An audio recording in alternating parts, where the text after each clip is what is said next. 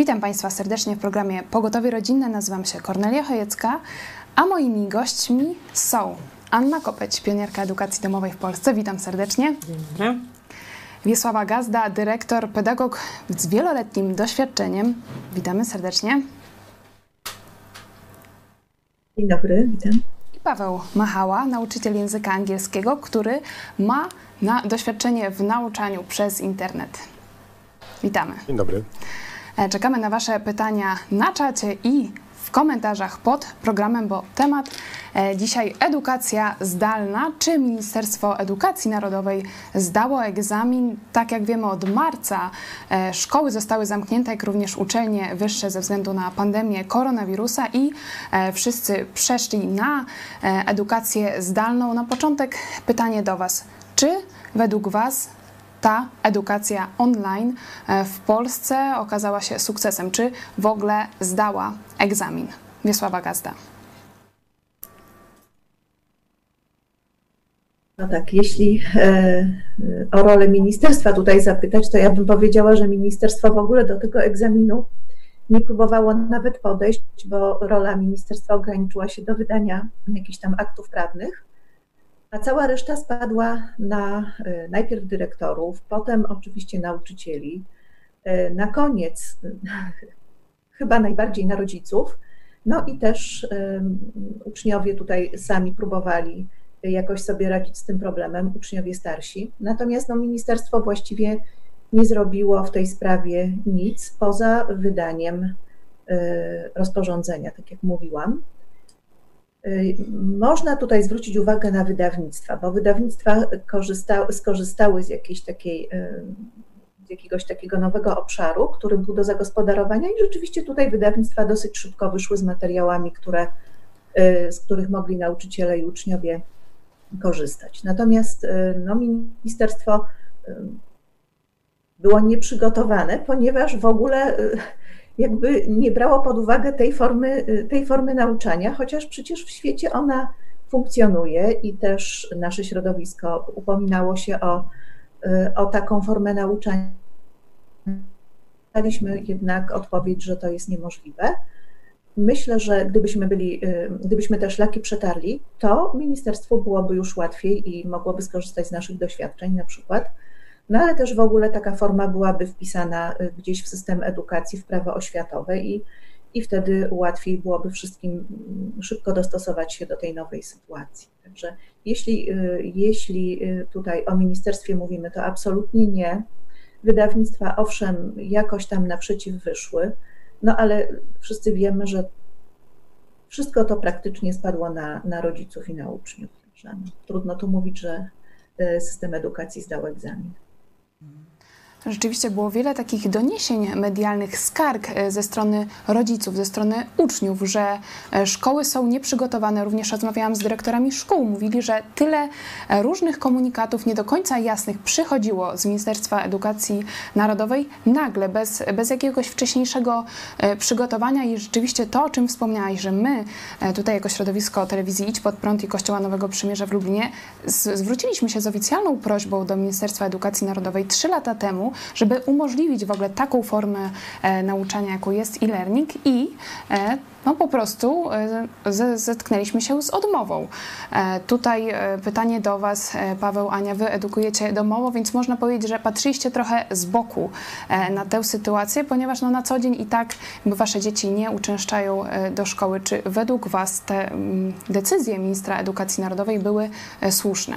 No właśnie, to podpisałabym się absolutnie pod tym, co e, powiedziała Wiesia i, e, i tu jest właśnie też takie, zemściło się takie lekceważenie e, rodziców edukacji domowej, no w ogóle e, e, edukujących domowo, można powiedzieć, i dzieci, i, i rodziców, ponieważ właśnie e, edukacja domowa jest legalna w Polsce od e, bardzo wielu lat, bodajże od 96 roku, e, 1996 roku, ale e, szkoły i e, poradnie psychologiczno-pedagogiczne traktują ją po macoszemu. MEN e, również e, właśnie ogranicza się tylko do tego, żeby coraz bardziej utrudniać edukację domową.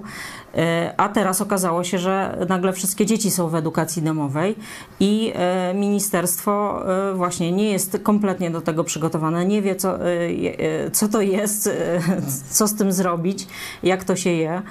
E, I, e, I myślę, że to się trochę zemściło, ponieważ właśnie gdyby e, ministerstwo traktowało rodziców edukacji domowej na poważnie, właśnie pozwalało im na różne rozwój różnych form, właśnie na przykład tego e-learningu, którym rodzice są na pewno bardzo zainteresowani od dawna i na pewno wielu rodziców już przetarło te szlaki, ale właśnie ministerstwo zawsze jednak próbowało iść raczej na wojnę niż e, korzystać e, z, z doświadczeń e, takich rodziców. I właśnie zaz, zazwyczaj byliśmy traktowani, no nie, nie mogę powiedzieć, że zawsze, ale zazwyczaj jako wrogowie w ogóle edukacji, no i jak to w ogóle nam się coś przyśniło, że my możemy być za to odpowiedzialni sami, wziąć sprawy w swoje ręce. E, I myślę, że to się właśnie zemściło, że, że właśnie takie e, rzeczy, przecież były szkoły, które właśnie chciały, oprócz e, właśnie naszego środowiska, to wiem, że były także inne szkoły, które chciały pójść tą drogą, ale ministerstwo jest skostniałe, w ogóle widać nieprzygotowane na kryzys, że w ogóle widać, że nie mają żadnej takiej elastyczności w sobie, żeby chociaż nawet tak coś spróbować nowego. Ciągle mamy jakieś eksperymenty w szkole, jakieś nowe nowości, nowy program, nowe to, nowe śmon, e-podręczniki, ale tak naprawdę e, nikt chyba z nich za bardzo na co dzień nie korzysta, oprócz właśnie e, rodziców, którzy edukują dzieci w domu i, i, i właśnie rodzice rzeczywiście zostali sami jak zwykle. E, często właśnie e, skazani na to, żeby, że no, nie wiedzą, z czym to się je i co, co, co, co z tym zrobić, co z dzieckiem zrobić przez cały dzień. E, tutaj wiele, wiele takich sygnałów, na przykład, że dziecko dostaje tylko zlecenia od właśnie. nauczycieli i po prostu ma je wykonać. A co właśnie w momencie, kiedy nie potrafi wykonać tego zadania? Tutaj chciałam, Pawle, Ciebie zapytać jeszcze o Twoją ocenę decyzji ministra edukacji narodowej i rządu Prawa i Sprawiedliwości wiemy, że były takie, e, można powiedzieć, sprzeczne komunikaty. Najpierw tak zawieszono szkoły, to była dobra decyzja e, w marcu, ale później zaczęły się dyskusje, czy na przykład matury przeprowadzić, e, czy nie. W końcu w maju matury się nie odbyły, ale o czym mówiliśmy na antenie naszej telewizji, jednak po, tym, po tych dziennych rekordowych zakażeniach w czerwcu, jednak zdecydowano się na organizację matur oraz egzaminu ósmoklasisty. Pawle, co y, ty sądzisz? Czy Ministerstwo Edukacji Narodowej zdało y, egzamin y, w czasie pandemii? No, teraz możemy już to podsumować, bo koniec roku szkolnego w piątek się odbył. To, czy zdało egzamin, to dużo zależy od tego, kto egzaminuje. Gdyby ministerstwo miało sobie wystawić taką laurkę, zapewne byłoby to same szóstki, ale Tutaj bardziej niż kiedykolwiek wydaje mi się, że mają coś do powiedzenia teraz nie tylko dzieci, ale i rodzice, którzy nao, naocznie widzieli poziom edukacji tej właśnie zdalnej, oferowanej przez e, szkoły. Myślę, że nie zdało tego egzaminu. Uważam, że e, ministerstwo, czy w ogóle edukacja państwowa w, szkole, w Polsce dostała szkawki bardzo charakterystycznej dla wszelkich systemów e, zarządzanych centralnie, gdzie gdzie doły się boją cokolwiek zrobić, bo zależy od tego, co od pomyłki zależy jakiś ruch e, wyższego, wyższego poziomu, który może im zabrać pracę albo zmniejszyć e, dochody. Dlatego mm, widziałem i słyszałem o nauczycielach i widziałem to na własne oczy, bo moje dzieci też uczyły się w ten sposób Widziałem nauczycieli, którzy po prostu byli, byli niezdecydowani tak samo, albo właściwie nawet w, to niezdecydowanie było, było spotęgowane w porównaniu z tym, które widzieliśmy w samym ministerstwie. Rzeczywiście sprzeczne sygnały od ministerstwa, jakieś daty, y, które nie zostały, nie, nie były wypełniane, przesuwane terminy. Przecież taki, takiego rodzaju bałagan Gdyby na tym miała polegać zwykła działalność, e, nie wiem, prostej firmy albo jakiejś szkoły, to ona by poszła z torbami już dawno. Ministerstwo nie pójdzie z torbami, bo ono służy e, wyższym celom, wyższym mam na, mam na myśli rządom, e, celom znanym rządowi i oni tam zawsze pieniądze znajdą, żeby zdofinansować nawet największy bałagan. Ale wracając do Twojego pytania i odpowiedzi, tutaj Ania też wspomniała o tym, że rodzice zostali pozostawieni sami sobie może bym to inaczej powiedział. Powiedziałbym, że oni zauważyli, że jak zwykle są zostawieni sami sobie, bo mm, ta sytuacja się nie zmienia. Ania się na pewno zgodzi, że po prostu y, wyszła na jaw indolencja e, systemu edukacji w Polsce i taki, taka jej nieruchliwość, taka nieodpowiedzialność, brak, brak przygotowanych jakichś programów um, awaryjnych. No to tak to wygląda, jak ktoś chce z Warszawy sterować y, nauczaniem wszystkich dzieci w Polsce. W drugiej części programu jeszcze porozmawiamy o tym, jak naprawić system edukacji. E, może pandemia koronawirusa nauczy e, czegoś Ministerstwo Edukacji Narodowej. Czekam również na Wasze e, pomysły. Jeszcze chciałam poprosić Was o komentarz do ostatniej wypowiedzi ministra Morawieckiego, który powiedział, że to jest pewna decyzja, że od września uczniowie wracają do szkół, a od października studenci wracają na uczelnie. No to ja mogę powiedzieć od razu, że no, można tylko się zaśmiać, bo e, pewne to, to chyba nic nie może być i szczególnie w pandemii, bo właśnie to, co już wspominaliśmy wcześniej, że te terminy, przesuwanie tych terminów, to, to było w ogóle był chaos właśnie. Raz minister powiedział, e, wiceminister powiedział jedno, minister zaraz e, za dwie godziny to zdementował, więc, więc to o terminach to w ogóle nie ma co wspominać, bo, bo to było żałosne, a nawet wręcz no, szkodliwe, bo właśnie to tak się stało, że tak naprawdę przesunięto termin wtedy, kiedy był szczyt zachorowań, na przykład matury, więc to jest w ogóle... Czyli w maju nie mogły właśnie, się matury odbyć, były, a w czerwcu, tak, kiedy a w było czerwcu, więcej tak. zachorowań, już Więc mogły. to absolutnie e, rzeczywiście e, takie zapewnianie to jest zaklinanie rzeczywistości. No i ja nie wiem na jakiej podstawie tutaj e, premier może tak mówić. Ja rozumiem, że on myśli, że może rządzi naszym krajem, ale chyba nie rządzi pandemią, także widać, że nią się nie da zarządzać.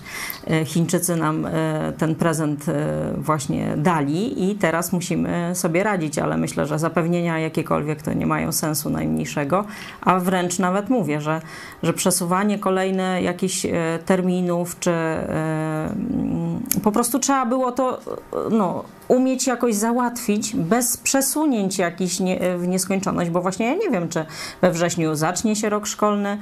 E, Naprawdę nie wiemy, co zdarzy się w ciągu Otóż najbliższych dni. Czy nie wiadomo, czy nie mamy... będzie drugiej fali. Wszyscy mówią o drugiej fali, więc... Minister e, Morawiecki mówi, że mamy dużo więcej doświadczeń i nie zamierzamy zamykać gospodarki w takim o. stopniu, jak do tej pory. Będą obostrzenia, zachęcam do dystansowania się, ale jednak tą no decyzję podjął. W tym samym czasie minister e, zdrowia Łukasz Szumowski powiedział na konferencji prasowej, że na podstawie wstępnych danych 1,5% społeczeństwa ma przeciwciała. I tutaj jeśli przyjąć te wyliczenia, że nierozpoznanych jest 98% przypadków, to faktyczna liczba e, zakażonych wynosi 1 600 tysięcy w no Polsce. Właśnie. I to jest, mówię, dla mnie to jest przerażające, że właśnie yy, i dalej po, powtórzę, że to jest zaklinanie rzeczywistości, rzeczywistości, skoro e, właśnie tutaj premier wspomina, że nauczyliśmy się czegoś na doświadczeniach. Ja myślę, że niczego się chyba nie nauczyliście e, Państwo, ponieważ właśnie są szumne zapowiedzi, że będzie wszystko wróci do normy we wrześniu czy w październiku, a e, gdybyśmy się nauczyli czegoś na doświadczeniach, to moglibyśmy powiedzieć, że nie wiemy, co będzie we wrześniu i w październiku i jesteśmy przygotowani na to, że no możemy nie wrócić tak? właśnie właśnie do szkoły i tak dalej. I widać, że kompletnie nic się nie zmieni. Po prostu teraz będą wakacje, wszyscy pojadą sobie na urlopy, czy tam, nie wiem, może zostaną w domu i e, nic nie, nie, nie będzie żadnej zmiany. Ja tak myślę, niestety. Twój syn Korneliusz rozpoczął akcję hashtag nie idę na maturę. Nie poszedł rzeczywiście na maturę w tym roku ze względu właśnie na e, skalę zakażeń e, koronawirusem i ryzyko zarażenia się na maturach. Zainteresowały się tym media. Możecie przeczytać wywiad z Korneliuszem na wp.pl a po naszym programie pokażemy też e, skrót z wypowiedzi Korneliusza w naszej e, telewizji, ale tutaj warto zaznaczyć tak, my ostrzegaliśmy, że to może być ryzykowne, to jest e, zagrożenie dla tysięcy ludzi w Polsce i już takie przypadki były, zarówno na egzaminie ósmoklasisty, jak na maturach, że pojawiły się osoby zakażone koronawirusem, a w ostatni piątek uczniowie mogli odbierać osobiście świadectwa, także tutaj widać ogromną taką no, niekonsekwencję i narażanie przede wszystkim wszystkim dzieci, e, młodzieży. Wiesława Gazda, jak ty e, skomentujesz tę decyzję ministra Morawieckiego?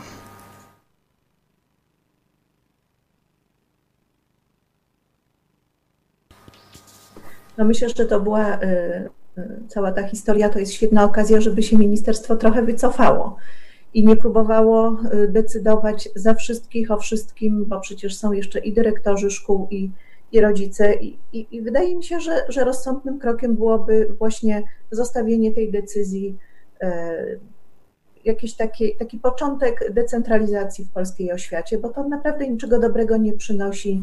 Y, nie widzę żadnych, żadnych korzyści takiego, takiego stanu rzeczy. O wiele lepiej by było, gdyby właśnie szkoły zyskały autonomię, żeby tutaj na decyzję szkoły wpływ mieli rodzice i wtedy no, rodzice zdecydowaliby. Jesteśmy w regionie, gdzie szaleje pandemia, no to oczywiście nauczanie pozostaje zdalne. Jesteśmy w regionie, gdzie nie ma zarażeń w dość dużym obszarze. Można y, spróbować ruszyć ze szkołą, no to, no to ruszamy, a w każdym momencie ta decyzja y, właśnie na poziomie szkoły może zostać, zostać zmieniona. Nie potrzeba tutaj do niczego ministerstwa i, i, to, i to jest chyba no, w tym momencie najlepszy kierunek, y, tak mi się wydaje czyli decentralizacja edukacji e, w Polsce. Tak jak rozmawiałyśmy też przed programem, e, widać e, to też na przykładzie koronawirusa, że są powiaty w Polsce no bardzo zakażone koronawirusem, tych na przykład jak na Śląsku, ale są pewne powiaty, gdzie nie ma w ogóle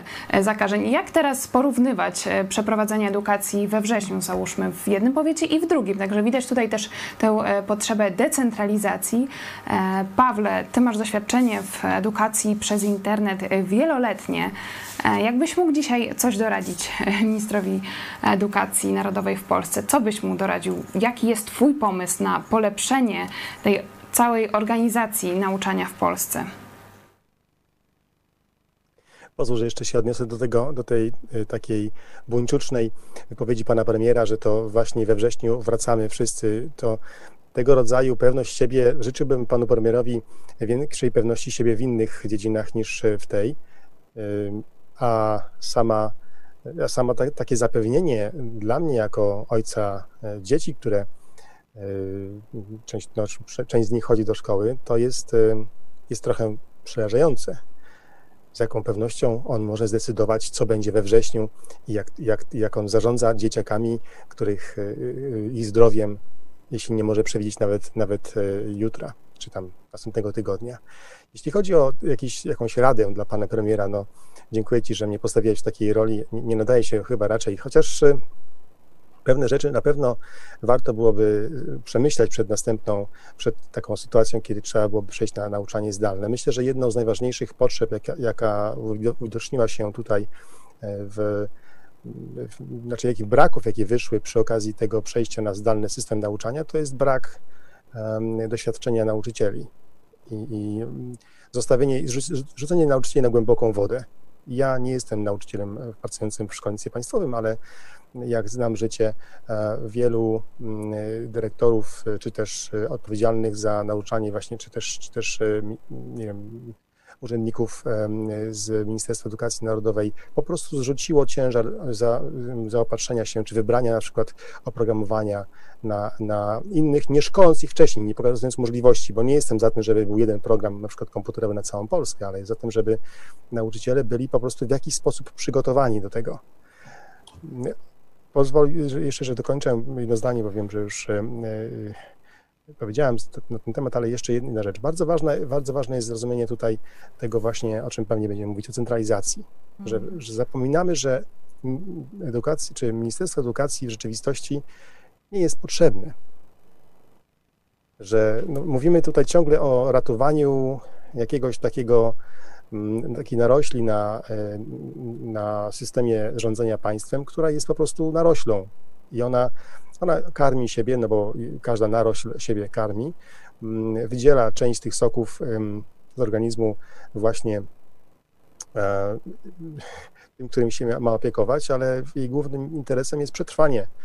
Jeśli bym mógł sparafrazować pana e, premiera, to powiedziałbym, że e, to, co jest pewne, to, że 20 września będzie dalej premierem. To, to o to, musi, to, to na pewno potrafi zadbać. Czy, natomiast czy, no, w miarę pewne jest to. to natomiast czy czy będzie to, e, czy będzie pandemia, pandemia, czy nie, czy będzie chodzenie do szkoły bezpieczne, czy nie, to nie ma na to żadnego wpływu. Lepiej by było, gdyby to nie rząd centralny miał wpływ na to, czy moje dzieci będą chodziły do szkoły, jeśli ja jako rodzic uznaję, uznam to za e, nieodpowiedzialność. Decentralizacja jest tutaj podstawowym e, jakby celem. Jeśli, To bym to radził. Anna Kopeć? jeśli mogę jeszcze właśnie to też dodać e, rzeczywiście, że rząd nawet pokazał, że e, zdrowie naszych dzieci nie ma dla nich żadnego znaczenia, ponieważ właśnie mówiłam, że, że właśnie e, odwołał, e, przesunął egzaminy tak, że przypadały one na szczyt zachorowań. Mówię, po- podczas gdy inne dzieci nie chodziły do szkoły, to, to ósmoklasisty, ósmoklasiści musieli pójść na egzamin. I, e, i Było to ryzyko, czy nie było? no właśnie, dokładnie. I moim zdaniem było ryzyko e, i e, widać, że nikt się tym nie przejmuje. Mało tego, rodzice są zostawieni, praktycznie nie ma się do kogo odwołać, nie ma co z tym zrobić. Myśmy pisali, właśnie apelowaliśmy do ministra Piątkowskiego, w ogóle nie zareagował na Brak to odpowiedzi. brak odpowiedzi. I to jest, mówię, no to właśnie, no naprawdę, no, no, no co my mamy zrobić? Boimy się o zdrowie naszych dzieci i nie mamy do kogo, bo dla e, urzędników są najważniejsze, że procedury zostały zachowane. A przepraszam, to nie są procedury, tylko to są nasze dzieci.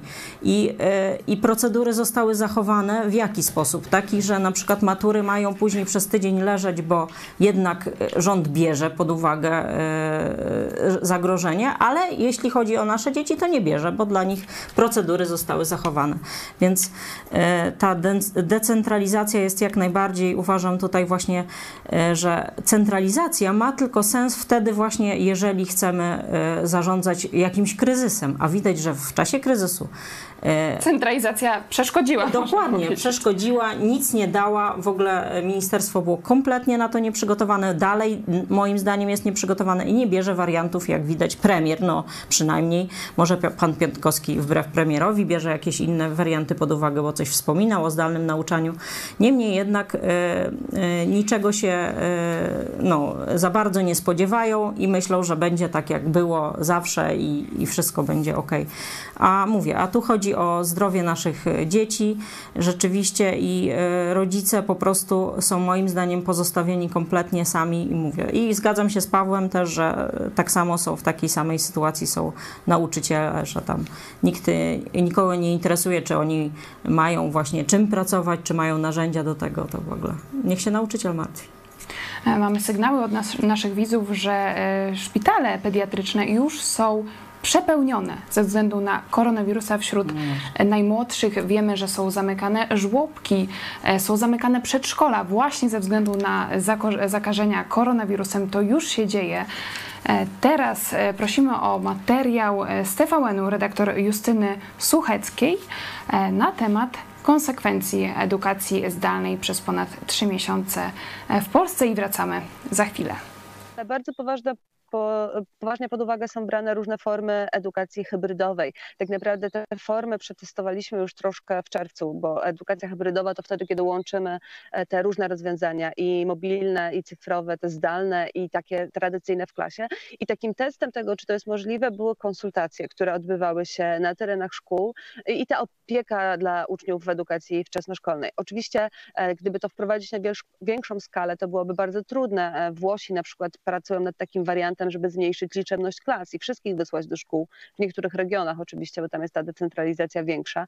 No ale u nas trudno sobie wyobrazić sytuację, że dzielimy teraz wszystkie klasy na pół i one liczą 12 uczniów. Każdy, kto ma dziecko w dużym mieście, w Warszawie, Krakowie czy Poznaniu, wie, jak bardzo pękają e, w szwach szkoły w tych tak zwanych nowych dzielnicach, tam gdzie jest dużo rodzin z dziećmi.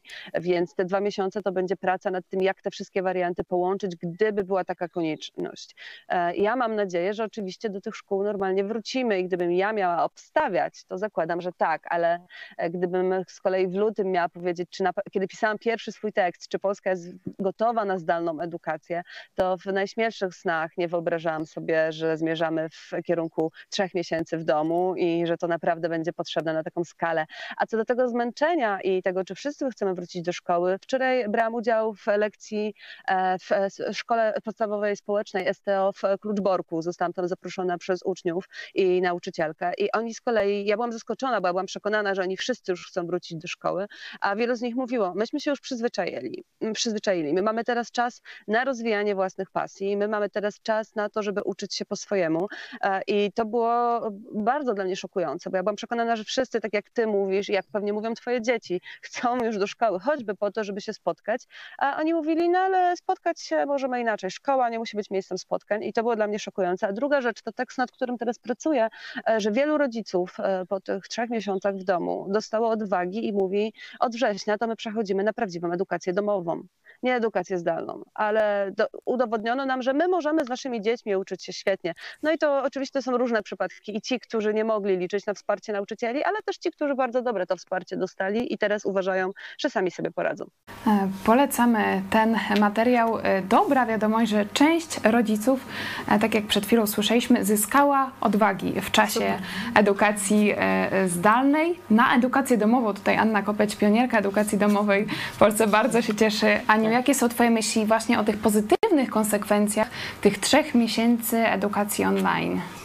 No właśnie, myślę, że część rodziców rzeczywiście zobaczyła, że, że to jest coś fajnego, że to jest naprawdę przygoda wielka i że y, nie chcą oddawać y, także tej dziedziny y, innym pod opiekę, że spokojnie mogą się sami tym zająć. Także ja bardzo kibicuję i i gratuluję tym wszystkim, którzy się odważyli i mówię i życzę im jak najlepszej e, tutaj najlepszych wyników. E, po drugie, myślę, że e, to jest wspaniałe, że właśnie więzi. Ja myślę, że tu jest to jest najważniejsze w edukacji domowej, że to są, będą naprawdę lepsze więzi i że fajnie, że są rodzice, którzy właśnie dostrzegli, że no, jakby nie sama wiedza jest tu najważniejsza, ale że coś więcej i że nasze dzieci to nie tylko takie właśnie można powiedzieć e, komputerki, którym się tylko wczytuje kolejną bazę danych, tylko że właśnie, że to są istoty żywe i mają inne potrzeby i że mogą się wspaniale rozwijać z rodzicami e, współtowarzyszącymi im. Więc mówię, dla mnie wspaniała wiadomość i, e, i, i myślę, że mam nadzieję, że więcej rodziców się na to zdecyduje.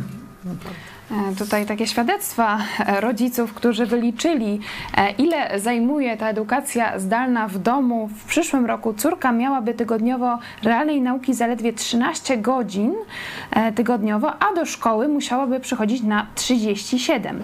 Zdalna edukacja pokazała nam, że możemy uczyć się w domu, czyli mamy zaoszczędzenie czasu, ale i zaoszczędzenie pieniędzy. Otóż to, to jest naprawdę naprawdę bardzo dużo e, ekonomia, można powiedzieć, w Polsce się kręci dzięki szkołom. I myślę, że właśnie dlatego ministerstwo nie tak e, chętnie chce, żeby ludzie, ludzie to dostrzegli, czy, czy zrozumieli, chociaż mówię, edukacja domowa w Polsce i tak się coraz większym W tym roku lat... ponad 11 tysięcy uczniów, no a 5 lat temu było tylko ponad 3 tysiące. Dokładnie, widać więc ogromny widać wzrost. Tak, wzrost, ale myślę, że teraz to ludzie nie mieli wyjścia, no i właśnie część takich nawet, czy niezdecydowanych, czy tam bardziej myśleli, że może sobie nie dadzą rady, e, może by i chcieli, ale że nie dadzą rady, a teraz okazało się, że dadzą radę i e, uzmysłowiło im to, że, że naprawdę warto i mówię, to jest e, rzeczywiście duża oszczędność czasu, nerwów przede wszystkim, bo ja czasami to śmiałam się, że Lublin wymiera na wakacje, nie? że nagle jest spokojnie, nie ma korków, e, a przecież ludzie chodzi, chodzą do pracy, więc widać jak e, szkoła napędza właśnie e, ten ruch, właśnie tę nerwówkę, tu trzeba dzieci zawieźć na takie zajęcie, tu na śmakie, tu trzeba zdążyć, nie wiem. I też rodzice zauważają, że tak naprawdę teraz w domu ich dzieci miały czas na pasję, miały czas na przygotowanie się na przykład do olimpiady. Tak, nie tak. tracą czasu na dojazdy, nie tracą czasu właśnie często też w szkołach, no to pani zachoruje, no to dziecko siedzi w szkole, czy, czy chce, czy nie chce, musi przeczekać. Więc mówię, to jest naprawdę e, coś, e, coś e, dobrego, co się stało, że ludzie zobaczyli wreszcie, że to się da i że właśnie, że to wcale szkoła nie jest jedyną alternatywą. To jeszcze Cię, Aniu, dopytam, jak to jest, co trzeba zrobić, jeśli dzisiaj na przykład ktoś nas ogląda i zastanawia się nad edukacją do, domową, to jakie dokumenty, papiery musi załatwić, żeby jego dziecko mogło uczyć się w domu od września? Tak, no więc najpierw trzeba znaleźć taką szkołę. Właśnie znowu tutaj kamyczek do ogródka ministerstwa, że szkoła musi być na terenie województwa, w którym zamieszkujemy. E, więc e, to jest właśnie pewne utrudnienie. I właśnie utrudnienie jest to, że szkoły często nie chcą mieć do czynienia z edukacją domową, bo to jest jakiś taki kłopot, trzeba egzamin zorganizować. A gdyby właśnie, mówię, to było coś normalnego, to prawie wszystkie szkoły by e, w pewien sposób już się z tym mierzyły i byłyby przygotowane w jakiś sposób, na pewno by myśleli, co by tu zrobić, żeby tych, te dzieci troszkę może właśnie bardziej, może jakieś kursy online robić. Szkoła by, myślę, tu twórczością się wykazywała, żeby trochę dzieci e, mogły e, jakoś uczestniczyć w życiu też szkoły. No, w każdym razie trzeba e, znaleźć taką szkołę albo swoją rejonową, czy w województwie przyjazną edukacji domowej, domowej i zwrócić się do dyrektora z podaniem, z prośbą o pozwolenie na wykonywanie obowiązku szkolnego poza szkołą, tak to się nazywa w ustawie. E, do tego trzeba dołączyć e, takie oświadczenie, że dziecko przystąpi przynajmniej raz w roku do egzaminów oraz e, takie zobowiązanie, to właśnie zobowiązanie oraz oświadczenie, że spełnia się warunki właśnie wystarczające do tego, żeby dziecko sprostało tym wymogom edukacji na tym poziomie. Czyli nie trzeba tej opinii poradni właśnie tu jest teraz jeszcze pewien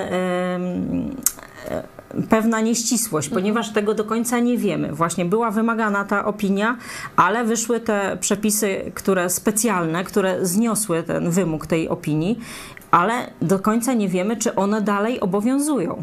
Więc tu myślę, że tutaj. Brak przepływu tak, informacji. Dokładnie, myślę, że tutaj trzeba po prostu z dyrektorem, myślę, że dyrektor powinien się dobrze orientować w tej sytuacji, ale wiem, że e, są rodzice, którzy właśnie nawet kiedy to okienko krótkie się pojawiło tam do maja, e, kiedy nie, był, nie było wymogu tej e, opinii i wiem, że rodzice wtedy zrezygnowali z poradni. Później się pojawiła opinia, że jednak ona jest, będzie potrzebna, e, więc oni znowu chcieli się zapisać do poradni i poradnia powiedziała, no ale przecież nie jest potrzebna, więc jak to u nas, nikt nic nie wie.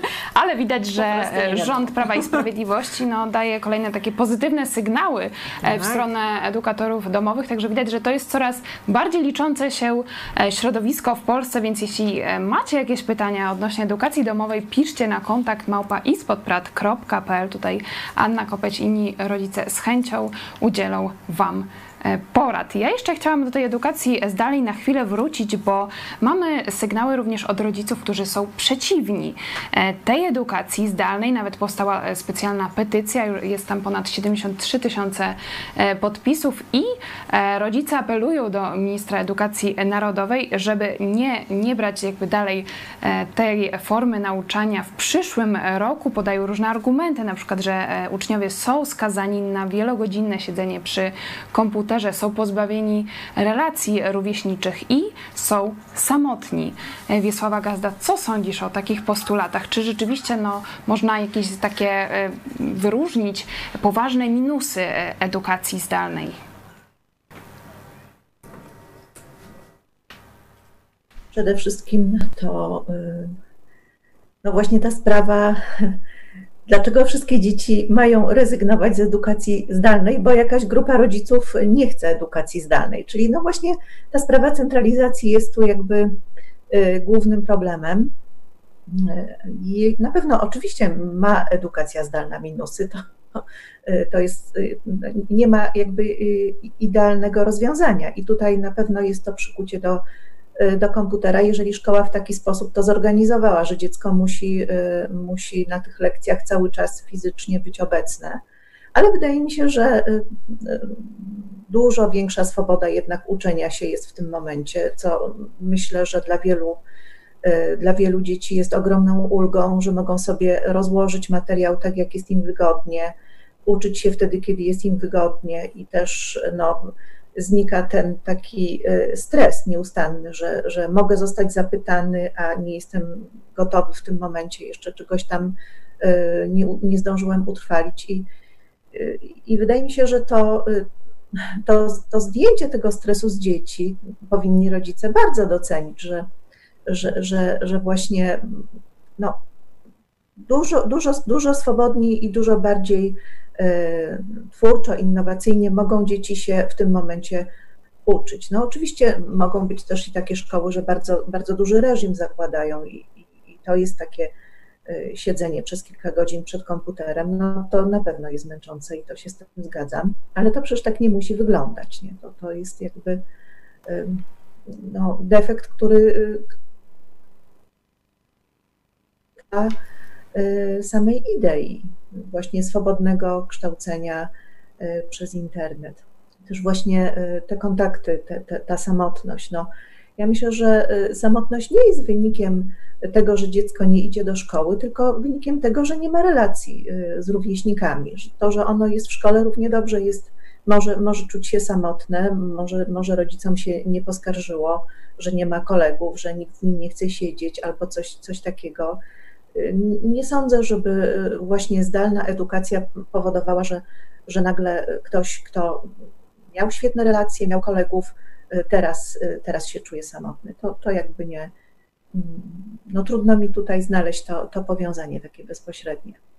I swoboda, e, wolność e, przede wszystkim dla rodziców, ale i dla dyrektorów szkół, o której dzisiaj mówimy. A, a poza tym, jeśli mogę się wtrącić, to jednak no niestety nasze życie ogólnie się przeniosło trochę do sieci, więc chyba ostatnio pamiętam, że rodzice ogólnie mają problem, bo dzieci ciągle siedzą w telefonach, więc to chyba jednak nie jest ten problem, że brakuje im kolegów. Jak bo kolegów normalnie ma się na fejsie. Też, też był Właśnie, problem. Dokładnie, także, także myślę, że też, że e, a, a mówię, a dlaczego e, smutne jest to, że rodzice nie chcą skorzystać z kolei z okazji, żeby właśnie zbudować z dziećmi swoimi więzi, bo te dzieci naprawdę nie muszą muszą mieć e, tylko z, z rówieśnikami więzi, one też potrzebują więzi z dorosłymi ludźmi, więc no mówię, dla mnie to jest smutne takie. Ale widzimy, że zdania są podzielone. Niektórzy rodzice właśnie zachęcili się do edukacji e, domowej. Wiem, że powstają specjalne centra, które mają pomagać rodzicom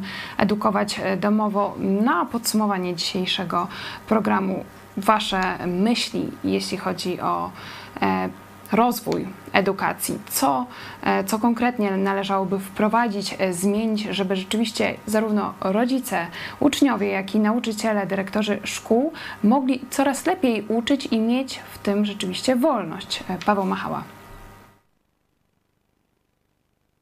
Powinno się dać więcej wolności w wyborze wszystkiego, co jest związane z edukacją, począwszy od metod, przez podręczniki, przez programy nauczania, myślę, że rodzice powinni mieć większą możliwość decydowania, jakie pieniądze trafiają do szkoły, która e, uczy ich dzieci, czyli tak po prostu głosować nogami powinni. Tam były takie kiedyś plany, bo jeśli już ta edukacja państwowa ma istnieć, założymy, że to się tak szybko nie zmieni, to należałoby wprowadzić jakieś elementy, które sprawiłyby, że dyrektor danej szkoły i nauczyciele w tej szkole staraliby się bardziej.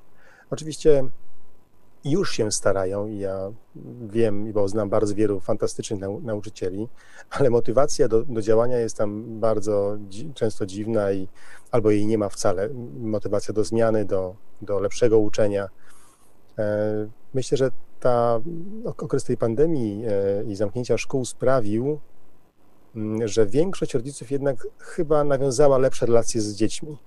I to jest też klucz do tego, żeby, żeby poprawić edukację, bo tak naprawdę edukacja dziecka polega na tym, że dziecko przysiądzie samo i samo przegryzie materiał, który no, nauczyciel mu poda, wyjaśni w klasie, ale nie okłamujmy się, jeśli klasa liczy 30 osób, a lekcja, lekcja, efektywny czas nauczania w klasie to jest 30 minut, po tym zanim dzieci ochłoną po przerwie a, i uspokoją się i po administracji całej związanej z też dyscypliną, jeśli to przez te 30 minut, te 30 osób, to, to nauczyciel jaki czas spędza przyglądając się temu dziecku? Tak, taką rolę powinni pełnić rodzice. I myślę, że wielu na szczęście zauważyło, że to rzeczywiście, jeśli oni się nie zajmą edukacją swoich dzieci, to ona będzie wykształcona po prostu no, przez szkołę państwową. I to jest jakiś, jakaś nadzieja, uważam, e, na, na zmianę.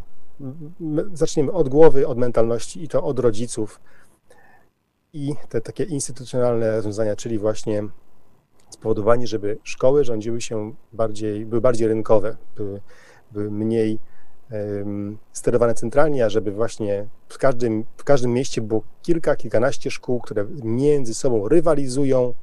Jeśli któraś wygrywa, to za tym idą pieniądze od podatników, lepsze e, i lepsze noty wśród uczniów. Między e, szkołami i to, o czym wcześniej wspominałeś, likwidacja Ministerstwa Edukacji Narodowej. Odważny postulat. Podawajcie dalej ten program. Wiesława Gazda, ostatnie słowa. No, tak. Pandemia pokazała, że nie musi być tak, jak jest, nie? Że, że tak włożyła, można powiedzieć, mm, taki kij w szprychy tego skostniałego systemu i wszyscy zobaczyli, że no to, co było taką koniecznością, tak się wydawało, wcale tak nie musi być. I, i myślę, że to właśnie deregula, de, deregulacje y, w, w oświacie i to na wielu poziomach, nawet na poziomie tego rozporządzenia o kwalifikacjach nauczycieli. I tak wręcz nieludzkie, nie, nie pozwala dyrektorowi na żadne y, ruchy, jakby biorąc pod uwagę predyspozycje nauczycieli czy, czy różne możliwości, które mają nauczyciele. Ba, bardzo, bardzo, bardzo, bardzo oświata jest spętana przeróżnymi restrykcyjnymi regulacjami.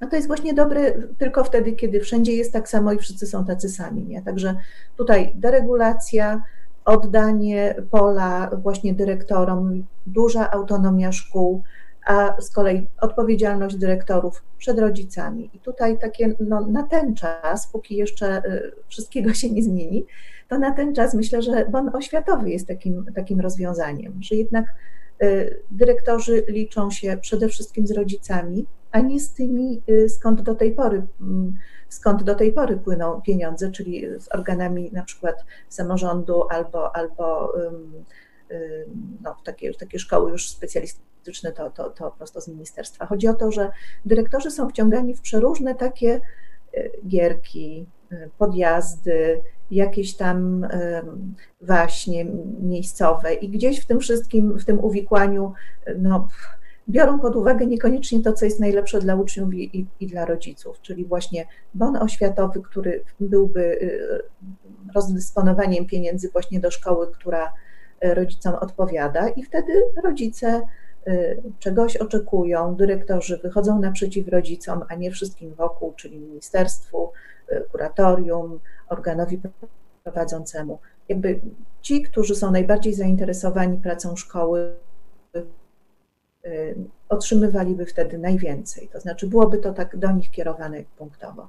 A w przyszłości no, po prostu wycofanie się zupełnie państwa z tej dziedziny i to by załatwiło bardzo wiele problemów. Przede wszystkim państwo miałoby ten problem z głowy, a rodzice byliby, byliby e, tutaj jakby pan, no, panami sytuacji. Nie? Nikt by im nie nakazywał e, ruchów, które mogą na przykład właśnie szkodzić zdrowiu dziecka, bo to nawet nie tylko pandemia, nie tylko te sprawy, które dzisiaj są, bo y, no, wiele jest takich sytuacji, że dziecko czuje się zagrożone i y, czy to są jakieś takie środowiska trochę niebezpieczne, czy właśnie no, samo dziecko ma pewne takie psychiczne mm, y, pewne, pewne takie psychiczne, jakby to powiedzieć, lęki, nie? I ono bezpiecznie się czuje w zupełnie innym, innym systemie niż taki właśnie y, bardzo skostniały i, i taki, no, można powiedzieć, pruski. O tych patologiach y, w polskiej oświacie mówiliśmy w naszych programach.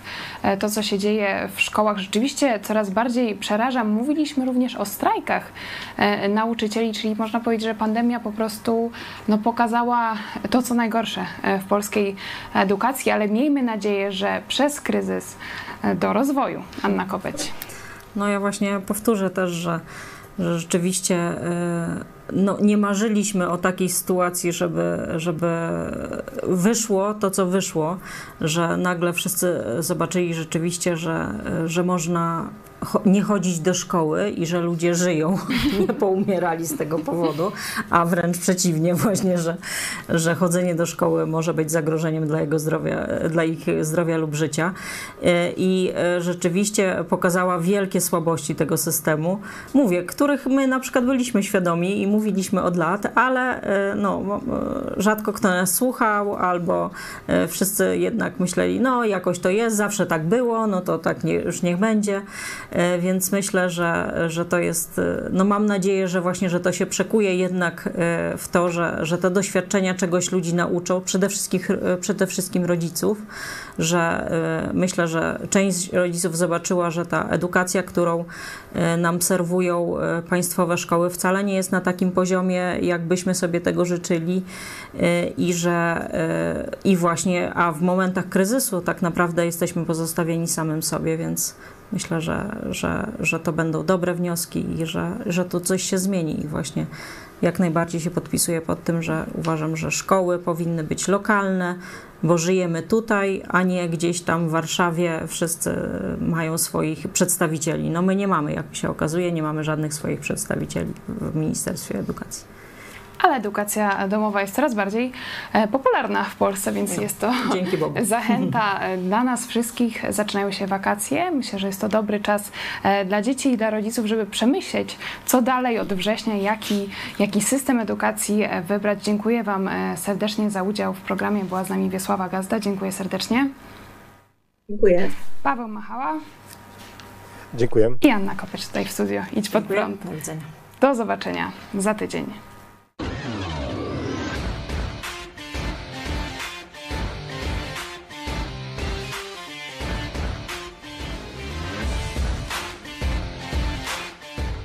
Moimi gośćmi są dzisiaj Korneliusz Kopeć, tegoroczny maturzysta, który zdecydował się jednak nie iść na maturę. Udzieliłeś również wywiadu dla Wirtualnej Polski, gdzie powiedziałeś, że liczę, że Ministerstwo Edukacji Narodowej da jeszcze szansę zdania egzaminu w tym roku takim uczniom jak ja.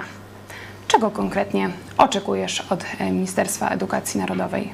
Mm, No, żeby podjęło jakieś kroki, żeby e, ci uczniowie, którzy nie poszli zdawać matury, bo chcą e, chronić swoich bliskich czy siebie przed zarażeniem tym wirusem, który tak naprawdę nie wiadomo, co może zrobić człowiekowi, e, albo jak bardzo się może przenieść na e, tych, o których tutaj dbamy, prawda? Może wyrządzić śmierć albo poważne stałe szkody na zdrowiu.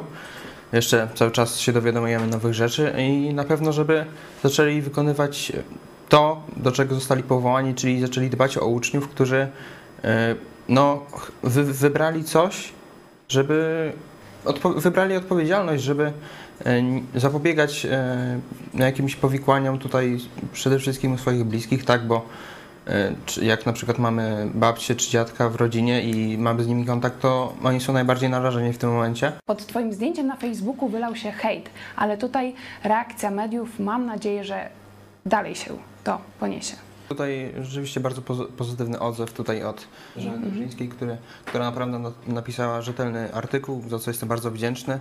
Także tutaj e, jak najlepsza postawa i takie zainteresowanie rzeczywiście, że ktoś myśli inaczej i spróbujemy przedstawić jego tak myślenie. Występowałeś na antenie naszej telewizji, apelowałeś e, do ministra.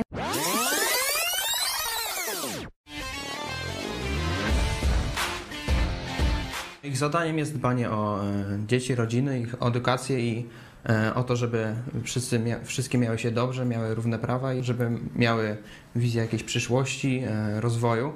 A tutaj naraża się ich na, no powiedzmy sobie, śmierć. Nie, nie może to nie jest duże prawdopodobieństwo, że umrzesz, ale jest zawsze. Także lepiej zdawać tą maturę za, nie wiem, 4-5 miesięcy albo choćby i za rok, niż umrzeć za, po, powiedzmy za dwa miesiące, jeśli się nadarzy taka sytuacja, bo wiemy, że już były osoby młode, silne, wysportowane, które umierały na tego wirusa. Jest z nami redaktor Hanna Szen, prosto z Tajwanu. Witamy serdecznie. Dzień dobry, witam Państwa. Jeżeli mogę Witam. tylko powiedzieć, to chciałam tylko dodać y, do tego poprzedniego wystąpienia Państwa, że dla mnie Pan Korneliusz to już zdał egzamin dojrzałości i, i tego mu gratuluję. Naprawdę każdy z nas ma jakąś w życiu kiedyś tam jakąś ważną bitwę i on tą bitwę już stoczył i naprawdę wy, wyszedł jako bohater. Także duże brawa dla niego.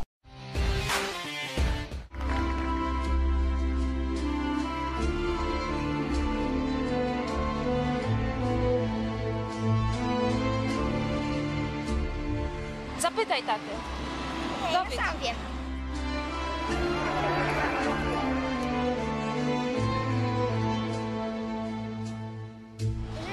Krzyża, bo tu to wszyscy się zebrali i przychodzili do rozumu. E, W ramach wolontariatu w telewizji Świat Prąd to były najbardziej pracowite wakacje w moim życiu i najbardziej udane, bo nie było nic lepszego jak praca w telewizji. Dużo się nauczyłem e, z zaplecza technicznego, e, tra- robienia transmisji, także co na pewno mi się przyda w dalszej, e, w dalszym, e, w dalszej takiej pracy dla telewizji Świat Prąd. Będzie trochę inna niż większość historii, gdyż ja się urodziłem w rodzinie chrześcijańskiej. Tak zacząłem rozumieć, że e, jestem istotą grzeszną, mimo że tam od dziecka byłem wychowywany w takich wartościach, że nie, nie miałem problemu, czy nie kłamałem ani nic, ale wiedziałem, że, y, że y, jeśli nie zwrócę się do Boga, to y, pójdę do piekła i byłem świadomy tego, że zasługuję na to jak każdy i nie ma dla mnie żadnego usprawiedliwienia innego. Pamiętam, że była noc, deszcz padał. Ja się wtedy tak rzewnie modliłem, żeby Bóg e, oczyścił mnie z tego, z tych moich grzechów, że żeby On e, wszedł do mojego serca i rzeczywiście zmienił moje życie według tego, żebym ja, bo, chcia, bo chcę żyć tak, jak On chce i chcę iść e, za Nim przez resztę swojego życia